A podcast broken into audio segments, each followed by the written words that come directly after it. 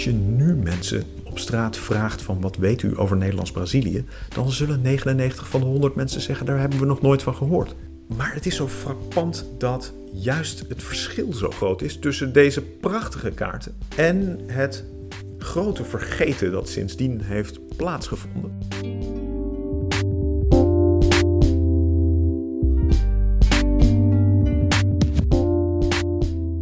Onderdrukking en vrijheid. Rond die thema's organiseren de universitaire bibliotheken Leiden dit jaar een mooi programma. In deze podcast gaan we in gesprek over topstukken uit de collectie. In deze eerste aflevering hoogleraar zeegeschiedenis Michiel van Groesen.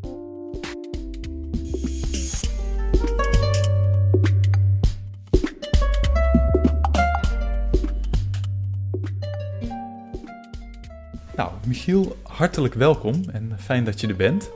Uh, we gaan het vandaag hebben onder andere over Nederlands-Brazilië en Nederlands-Angola. En dat zijn twee perioden in de in Nederlandse geschiedenis waar we misschien minder van weten, maar uh, daarom hebben we jou natuurlijk uh, in de studio. Um, allereerst, we hebben een aantal prachtige prenten voor ons liggen. En zou je allereerst eens willen vertellen wat die eerste prent die je nu voor je ziet, wat dat inhoudt? Um, ja, natuurlijk. Wat hier voor mij ligt op tafel is een hele grote zogenaamde nieuwsprent of nieuwskaart. Het is een uh, stuk papier uit het jaar 1630, ongeveer ter grootte van twee vellen A3. Ik zeg uh, nieuwsprent en nieuwskaart, want het is uh, enerzijds een, een, een, visuele voorstelling van de Nederlandse aanval op Noordoost-Brazilië in februari 1630. Maar daarnaast is het ook een kaart van de regio om thuisblijvers te kunnen laten zien waar dit alles zich afspeelde. Nou, dit zijn uh, twee afbeeldingen uit de nieuwe tentoonstelling in de Universiteitsbibliotheek over, uh, over onderdrukking en vrijheid. En zou je eens kunnen vertellen wat die Nederlanders destijds precies in Brazilië te zoeken hadden? Ja, daarvoor moeten we terug naar de um, 80-jarige oorlog. Okay. Die natuurlijk al vanaf uh, het uh, de, uh, einde van de jaren 60 van de 16e eeuw bezig is in Europa. Tussen 1609 en 1621 ligt die oorlog stil, het zogenaamde 12-jarige bestand. En onmiddellijk als dat bestand ophoudt in 1621 wordt de West-Indische Compagnie opgericht. En dat is um, relevant in het kader van de oorlog, omdat die West-Indische Compagnie niet alleen een handelscompagnie is, maar vooral een oorlogsinstrument. Die West-Indische Compagnie moet eigenlijk een tweede front openen in de oorlog tegen Spanje. En dat tweede front ligt niet in Europa, maar dat ligt in de Amerika's. Dat duurt even voor de West-Indische Compagnie voldoende geld bij elkaar heeft verzameld om daadwerkelijk oorlog te kunnen gaan voeren. Het is niet zoals bij de VOC dat mensen kunnen investeren en dan verwachten dat ze dat geld ook snel in de vorm van winst terug gaan zien. Maar het is een oorlogsinstrument. En wie gaat er nou investeren in zo'n onzekere onderneming, zou je kunnen zeggen? Nou, het duurt dus een tijdje voordat de West-Indische Compagnie voldoende geld bij elkaar heeft. En uh, dan hebben ze ook nog pech. Want in 1624 slagen ze er voor de eerste keer in om een stuk van Brazilië te veroveren, maar dat verliezen ze ook snel weer het jaar daarna. Nou, gelukkig vanuit Nederlands perspectief verovert Piet Hein in 1628 de Zilvervloot. En dan is er weer voldoende geld beschikbaar om een tweede aanval op Brazilië te ondernemen. En die vindt dus plaats in het jaar 1630. Ja. En op het moment dat er daar goed nieuws over te melden is, pakt de West-Indische Compagnie uit met een heus PR-offensief. En dat, um, dat is eigenlijk deze nieuwskaart die hier voor ons ligt op tafel. Oké, okay, want deze nieuwskaart, waar, waar konden mensen die destijds uh, zien? Stond dat in een, in een krant? Of? Nee, het staat niet in een krant. Er zijn ook kranten in die tijd, maar die vervullen een andere functie. Die verschijnen elke week en die vertellen dus week na week wat er aan echte nieuwe informatie is.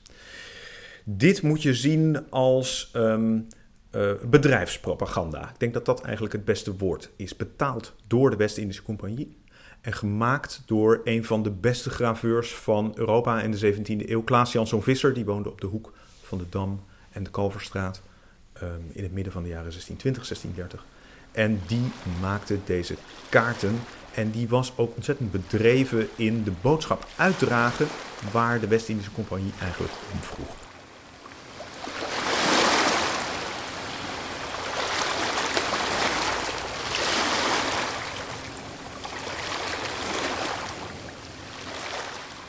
Ja, we zien dus op die kaart zien we onder andere grote uh, schepen natuurlijk, die uh, op dat moment uh, Brazilië of de kust van Brazilië belegeren, zou je kunnen zeggen. en je ziet het achterland, maar, maar wat, is dan, wat is dan de achterliggende boodschap van deze kaart? Nou, de achterliggende, de achterliggende boodschap is dat de West-Indische Compagnie er dus opnieuw in is geslaagd om een stuk van Brazilië in te nemen. Een stuk dat uh, economisch van groot belang is, omdat dit het centrum is van de mondiale suikerhandel in deze periode. Suiker is een product waar veel geld mee kan worden verdiend. De West-Indische Compagnie heeft in 1630 67 schepen naar Brazilië gestuurd. Die zien we niet allemaal op deze kaart hier. We zien aan de bovenkant van de kaart, uh, over de hele breedte van de kaart, zien we een aanval van de Nederlandse vloot op de stad Olinda en het dorpje Recife. Dat dorpje dat zal later door de Nederlanders worden uitgebouwd als het centrum van uh, Nederlands-Brazilië. We zien een wat grotere kaart erbij van um, uh, de hele Braziliaanse kustlijn, zodat uh, kopers van deze kaart zich een voorstelling konden maken van waar dit allemaal zich precies afspeelde. Um, en we zien een plaatje van een suikermolen waar suikerriet um, als uh, uh, halffabrikaat uh, wordt gemaakt en daarna wordt verscheept ja. naar Europa. En daarnaast, dat is ook belangrijk, um, want dat maakt die nieuwskaarten heel speciaal, een uitgebreid stuk tekst aan beide kanten van de kaart, waarin um, wordt verteld hoe goed die verovering is gegaan. Want dat is natuurlijk wat de West-Indische Compagnie graag wil vertellen aan lezers en aan aandeelhouders. Ja, ik heb de kaart natuurlijk van tevoren even bekeken voor, uh, voordat we aan dit gesprek begonnen. En wat natuurlijk erg opvalt is dat, is dat plaatje ook dat erbij getekend is van een, een suikermolen. En waar inderdaad suikerriet tot uh, suiker wordt verwerkt. En wat natuurlijk erg opvallend is, is dat de mensen die het daadwerkelijke werk doen op die kaart, dat die allemaal een uh, donkere huidskleur hebben. En als ik je goed begreep, is die slavernij ook compleet vervlochten met dit uh, verhaal. Jazeker, dat werk op de suikerplantages in Brazilië, dat was uh, hard handwerk, fysieke arbeid. waar Europeanen eigenlijk zelf geen zin in hadden, ook niet goed bedreven in waren. En op het moment dat de Nederlanders in Brazilië aankomen, in de jaren, late jaren 1620, begin jaren 1630, um, treffen ze daar al een, een, een slavensamenleving aan. Want Portugezen hebben al gedurende de 16e eeuw uh, slaafgemaakte vanuit Afrika naar Brazilië getransporteerd om daar dat werk op die plantages te doen. In de aanloop naar de verovering van Brazilië door de West-Indische Compagnie is er een, een soort um, um, ja, idee dat het niet uh, moreel verantwoord is om mensen te verschepen uit West-Afrika en ze te werk te stellen op plantages in de Amerika's. Dus zelfs in, in die tijd was het al een omstreden onderwerp. Jazeker. In het octrooi van de West-Indische Compagnie staat er niets over beschreven. Octrooi uit 1621.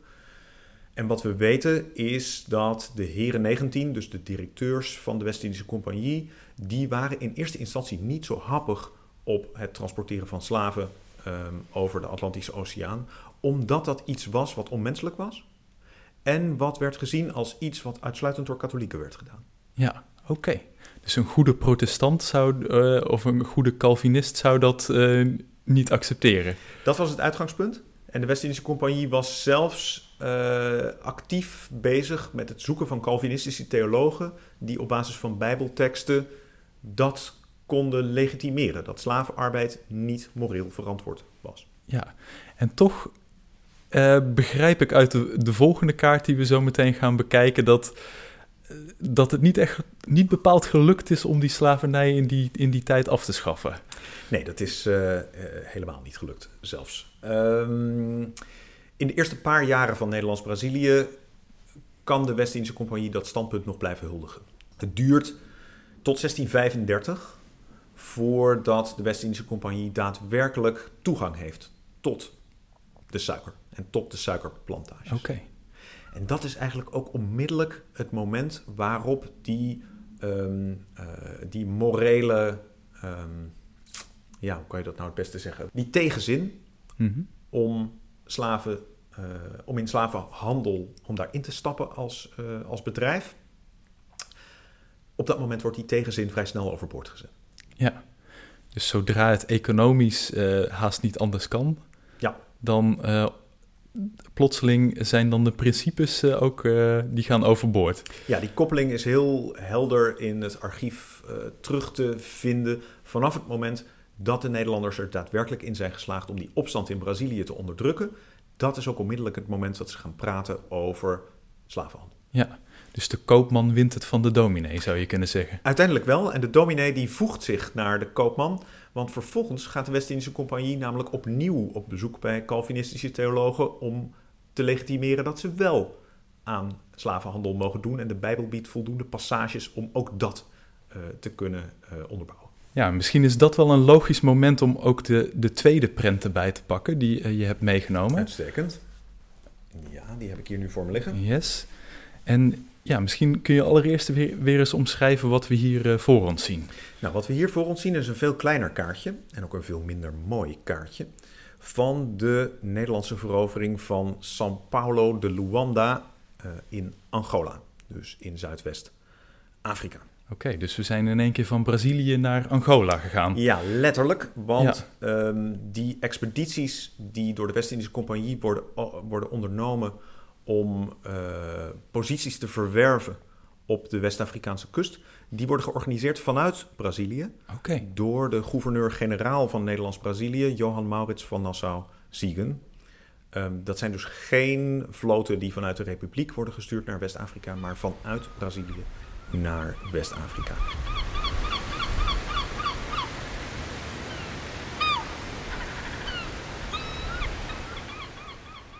Hier zien we de verovering in 1641 van eh, Luanda. Maar dat is eigenlijk niet eh, het begin van de Nederlandse slavenhandel. Dat begint al vier jaar eerder, op het moment dat de West-Indische Compagnie ehm, Elmina verovert. Het grote eh, slavendepot, zou je kunnen zeggen, van de Portugezen in het huidige Ghana. oké, ja, ook dat is een expeditie die wordt georganiseerd vanuit Brazilië. ja, De Nederlanders hebben al eerder geprobeerd om Elmina te pakken te krijgen, maar dat is niet gelukt. Maar in 1637 lukt het dus wel en dan begint de Nederlandse slavenhandel echt. ja. En dat zijn allemaal slaven die eh, vaak naar eh, Nederlands-Brazilië worden getransporteerd. Ja, in eerste instantie is dat een hele eenvoudige driehoekshandel. Dus eh, slaven worden naar, van Ghana naar Brazilië gebracht en suiker wordt vervolgens van Brazilië naar Europa gebracht. Ja. De West-Indische Compagnie vindt dat ze aan Elmina alleen eigenlijk niet genoeg hebben om Brazilië van voldoende slaven te voorzien. En dat betekent dat ook Angola eh, op een gegeven moment op de, eh, eh, de, de wensenlijstje bijna ja, op het staat. wensenlijstje. Ja, dat ja, is precies. ja. Op het wensenlijstje komt te staan. En dat is dus in 1641. Het is een beetje contra-intuïtief, want Angola ligt, als je nu naar een atlas kijkt, veel verder weg van Brazilië. Maar door het systeem van windrichtingen en stromingen in de zuidelijke Atlantische Oceaan betekent het dat slaven die je koopt in Angola veel korter onderweg zijn naar Brazilië dan slaven vanuit Ghana. Oké. En dat is een factor, want er zijn eh, op die zogenaamde Middle Passage, zoals we dat noemen, de overtocht van slaven van West-Afrika naar de Amerika's. Dat is een moment dat veel slaven overlijden. En slaven die overleden zijn als ze in Amerika's aankomen, daar kun je geen geld meer aan verdienen. Ja. Dus die eh, middenpassage die moet zo kort mogelijk gehouden worden. Ja. En er is nog een andere reden dat de West-Indische Compagnie geïnteresseerd is in Angola.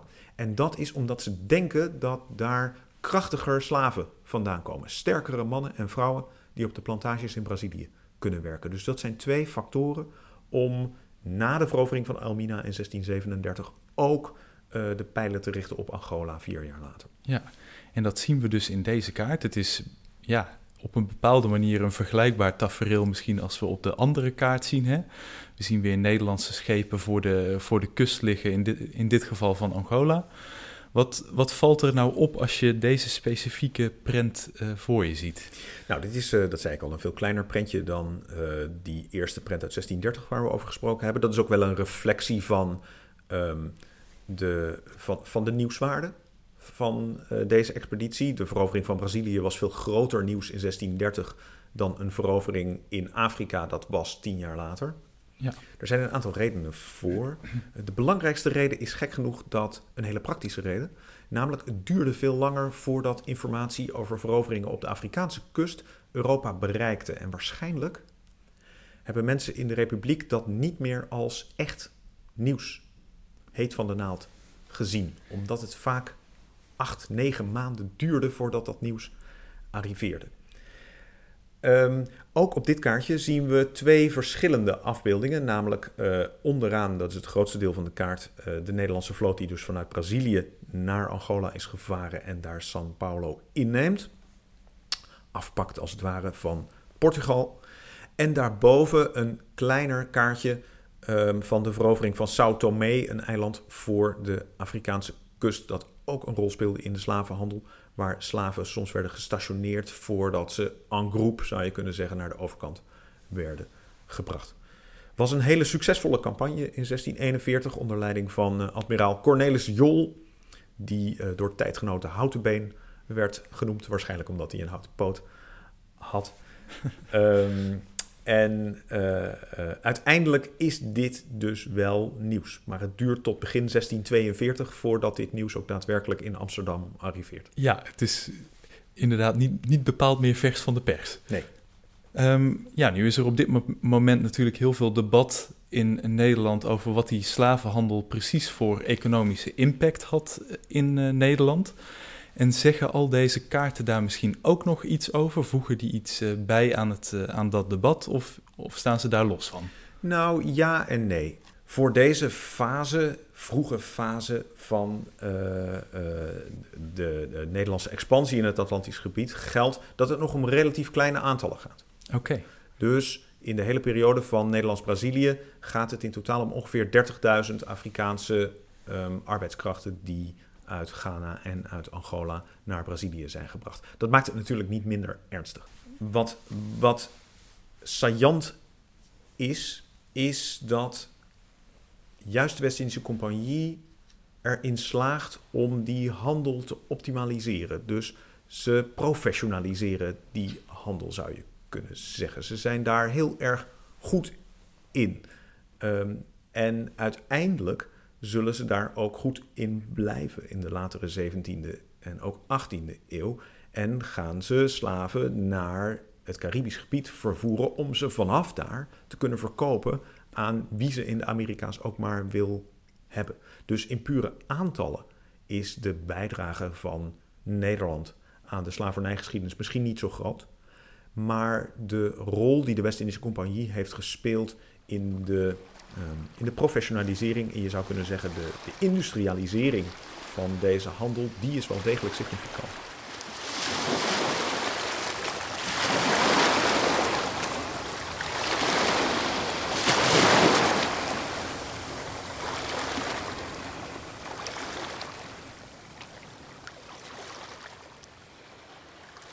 Wat wel relevant is om erbij te vertellen, is dat er dus kritiek blijft. Dus in de Nederlandse Republiek blijven er mensen die vinden dat, ondanks dat er geld mee wordt verdiend, en dat ziet iedereen ook echt wel, um, blijven vinden dat dit inhumaan is. Het is moeilijk om in documenten uit de 17e eeuw sporen daarvan te vinden, maar als je ernaar gaat zoeken, dan vind je ze wel. En dat suggereert dat ook nog op het moment dat deze handel bloeit in het Atlantisch gebied, juist in die periode dat de Nederlanders in Angola zaten, en dat was maar heel kort, tussen 1641 en 1648, juist die periode is de tijd dat de West-Indische Compagnie er veel geld aan verdient. Maar ook is dat de periode waarin er nog altijd stemmen zijn in de Nederlandse Republiek die zich tegen deze handel keren. Wat erg interessant is, uh, toen ik me aan het inlezen was, u heeft natuurlijk een boek geschreven over uh, dit onderwerp. En een van de dingen die ik daarin las is dat uh, printmedia, zoals de, de prenten die we hier voor ons zien, uh, niet alleen propaganda waren misschien voor de West-Indische Compagnie, maar dat ze tegelijkertijd ook deels hebben bijgedragen aan de val van uh, het Nederlandse koloniale bewind in uh, Brazilië. Kunt u dat eens wat verder uitleggen? Ja, um, het is duidelijk dat deze prenten eigenlijk vooral goed nieuws vertellen. Ja. Maar dat nieuws was helemaal niet altijd goed. Dat nieuws dat uit Brazilië en uit Angola kwam. Uh, er gingen daar ook heel veel dingen verkeerd. Niet alleen slavenarbeid en slavenhandel, maar er was ook honger, er waren tropische ziekten, uh, er werden wel eens militaire nederlagen geleden. En dat nieuws werd door de West-Indische Compagnie niet opgeblazen. Daar werden geen nieuwsprenten of nieuwskaarten van gemaakt. Maar de aantallen mensen die als matroos of als soldaat aan boord van schepen van de West-Indische Compagnie naar Brazilië gingen, die aantallen waren vrij hoog. Dan moeten we denken aan 5000, 7000, soms wel 10.000 mensen um, die naar Brazilië gingen. En die mensen keerden voor een heel groot deel ook terug in Europa. En die vertelden natuurlijk allemaal verhalen over wat ze daar hadden gezien, wat ze daar hadden beleefd. En die verhalen die strookten niet, of meestal niet, met de propaganda die de West-Indische Compagnie probeerde te maken door middel van deze nieuwskaart. Ja. Dus op een gegeven moment zie je dat um, uh, van onderop, zou je kunnen zeggen, in de samenleving, er een soort tegenverhaal komt. Een verhaal dat niet zo mooi, niet zo fraai is als wat de West-Indische Compagnie probeert te verkopen. En op dat moment begint er ook langzaam onrust te ontstaan in de Republiek. En komt de vraag op tafel: moeten we blijven investeren in die vloten om een kolonie te behouden waar lang niet alles zo goed gaat als de compagnie zegt dat het gaat? En die verhalen die werden mondeling doorverteld of zijn daar ook nog sporen van te vinden in eh, kranten van destijds of, of andere media van destijds? Ja, die verhalen werden natuurlijk sowieso mondeling doorverteld, maar als historicus is het behoorlijk ingewikkeld om uh, eh, 400 jaar later te traceren wat mensen tegen elkaar uh, zeiden um, daarover. Hoewel we wel weten, op basis van archiefmateriaal, dat mensen goed geïnformeerd waren. Dus ook ongeletterden wisten best wel wat van wat er gaande was aan de overkant van de oceaan. Maar veel van het politiek gevoelige materiaal werd daadwerkelijk gedrukt. Ja. En dat leidt dus tot een vorm van opiniemakerij die heel snel, heel scherp en heel vijandig wordt. Vooral op momenten dat de West-Indische Compagnie echt nederlagen gaat leiden in Brazilië tegen Portugese troepen. Ja, want hoe lang heeft dat, dat bezit van uh, Nederlands-Brazilië, hoe lang heeft dat ongeveer geduurd? Nou, als je in een, uh, op Wikipedia kijkt, dan zul je zien dat Nederlands-Brazilië begint in 1630 en eindigt in 1654. Ruwweg 25 jaar dus. Maar in 1648, 49 weet eigenlijk iedereen wel dat het einde eraan zit te komen. En dat zijn ook de jaren waarin die publieke opinie echt heel erg hevig en heel erg onvriendelijk van uh, aard is. Nou, hartstikke bedankt. Een ontzettend eh, interessant verhaal. Eh, tot slot ben ik nog wel benieuwd um, wat deze kaarten nou met je persoonlijk doen. Waarom vind je het zo interessant om, om uitgerekend in dit soort prenten te duiken? Ja, nou dan leg ik nog eventjes die kaart van Angola leg ik weer terug. Um, en dan kijk ik nog eventjes een keer naar die kaart uit 1630, want dat is eigenlijk de mooiste die hier op tafel ligt. Allereerst zijn het ontzettend mooie bronnen. Als je er naar zit te kijken, dan kan je Um, ja, je kunt er echt een uur naar kijken en uh, prachtige details zien, die dus geschapen zijn door iemand die in de Kalverstraat woonde en zelf Brazilië nooit gezien had. Dus het is helemaal geen ooggetuigenverslag van hoe Brazilië er destijds uitzag, okay. maar wel een verslag van hoe tijdgenoten in de 17e eeuw dachten dat Brazilië eruit zag. Dat is, het is heel erg mooi materiaal. Wat ik er daarnaast heel erg interessant aan vind als historicus, is dat het ingewikkeld materiaal is om mee te werken, omdat het tekst en kaartmateriaal en, ja, je zou kunnen zeggen, uh, gravures of, of prenten bij elkaar brengt. En we zijn daar als wetenschappers helemaal niet zo goed in getraind om al die verschillende media tegelijk tot ons te nemen en daar één grote interpretatie overheen te leggen, als het ware. Ja. Dat vind ik leuk om te doen en ik vind dat meer historici dat eigenlijk zouden moeten doen, want dit is de manier waarop tijdgenoten ook uh, de, um, de gebeurtenissen uh, van hun eigen tijd uh, tot zich namen. En daarnaast vind ik die geschiedenis van Nederlands-Brazilië zo interessant, omdat als je nu mensen op straat vraagt van wat weet u over Nederlands-Brazilië, dan zullen 99 van de 100 mensen zeggen daar hebben we nog nooit van gehoord. Ze denken misschien eerder aan een uh, strandvakantie. Uh, ja, dat zou, uh, zou heel goed kunnen. En als je naar het strand gaat, dan zie je daar nog Nederlandse forten staan. Oh, serieus? In Noordoost-Brazilië, oh, wow. ja. Maar het is zo frappant dat juist het verschil zo groot is tussen deze prachtige kaarten, die 17e eeuwers goed kenden, dat weten we, want we, ze zijn ook op de achtergrond van schilderijen bijvoorbeeld afgebeeld. Dus we weten dat mensen deze dingen kenden en lazen, als het ware. En het grote vergeten dat sindsdien heeft plaatsgevonden en dat ook eigenlijk terug te leiden is naar de West-Indische Compagnie, die zich na het verlies van Nederlands-Brazilië, dus in 1654, eigenlijk niet meer zo graag wilde associëren met die kolonie, omdat men zich er enigszins voor schaamde. Niet omdat men aan slavenhandel had gedaan, maar wel omdat men het zo simpel eigenlijk uit handen had gegeven. Dus het is bijna een kwestie van bewust vergeten, zou je kunnen zeggen. Jazeker. En dat bewust vergeten heeft nog een extra impuls gekregen in de 19e eeuw.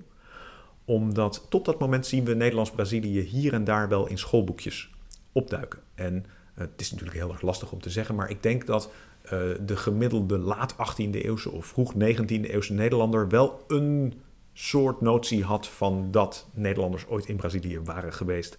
En dat dat kortstondige belangrijke kolonie was. In de 19e eeuw wordt dat veel systematischer uitgegund.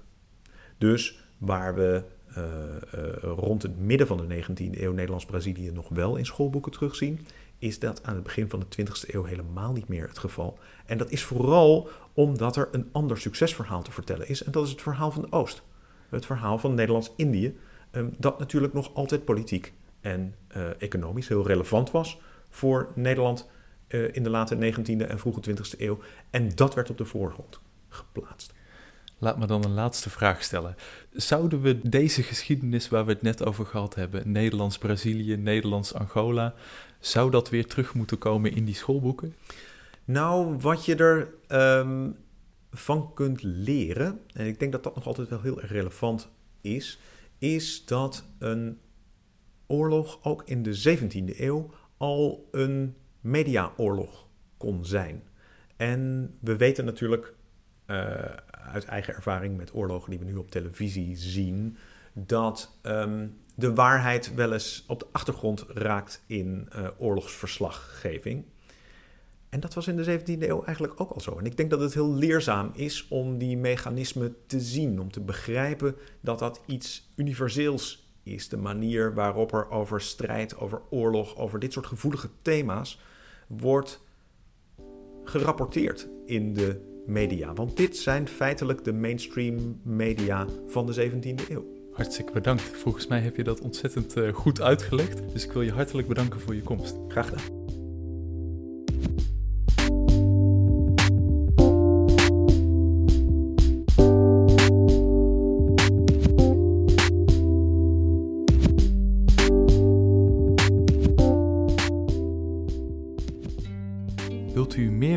Over het themaprogramma Onderdrukking en Vrijheid? Kijk dan eens op de website van de Universitaire Bibliotheken: bibliotheek.universiteitleiden.nl. Er zijn ook verschillende activiteiten voor een groot publiek.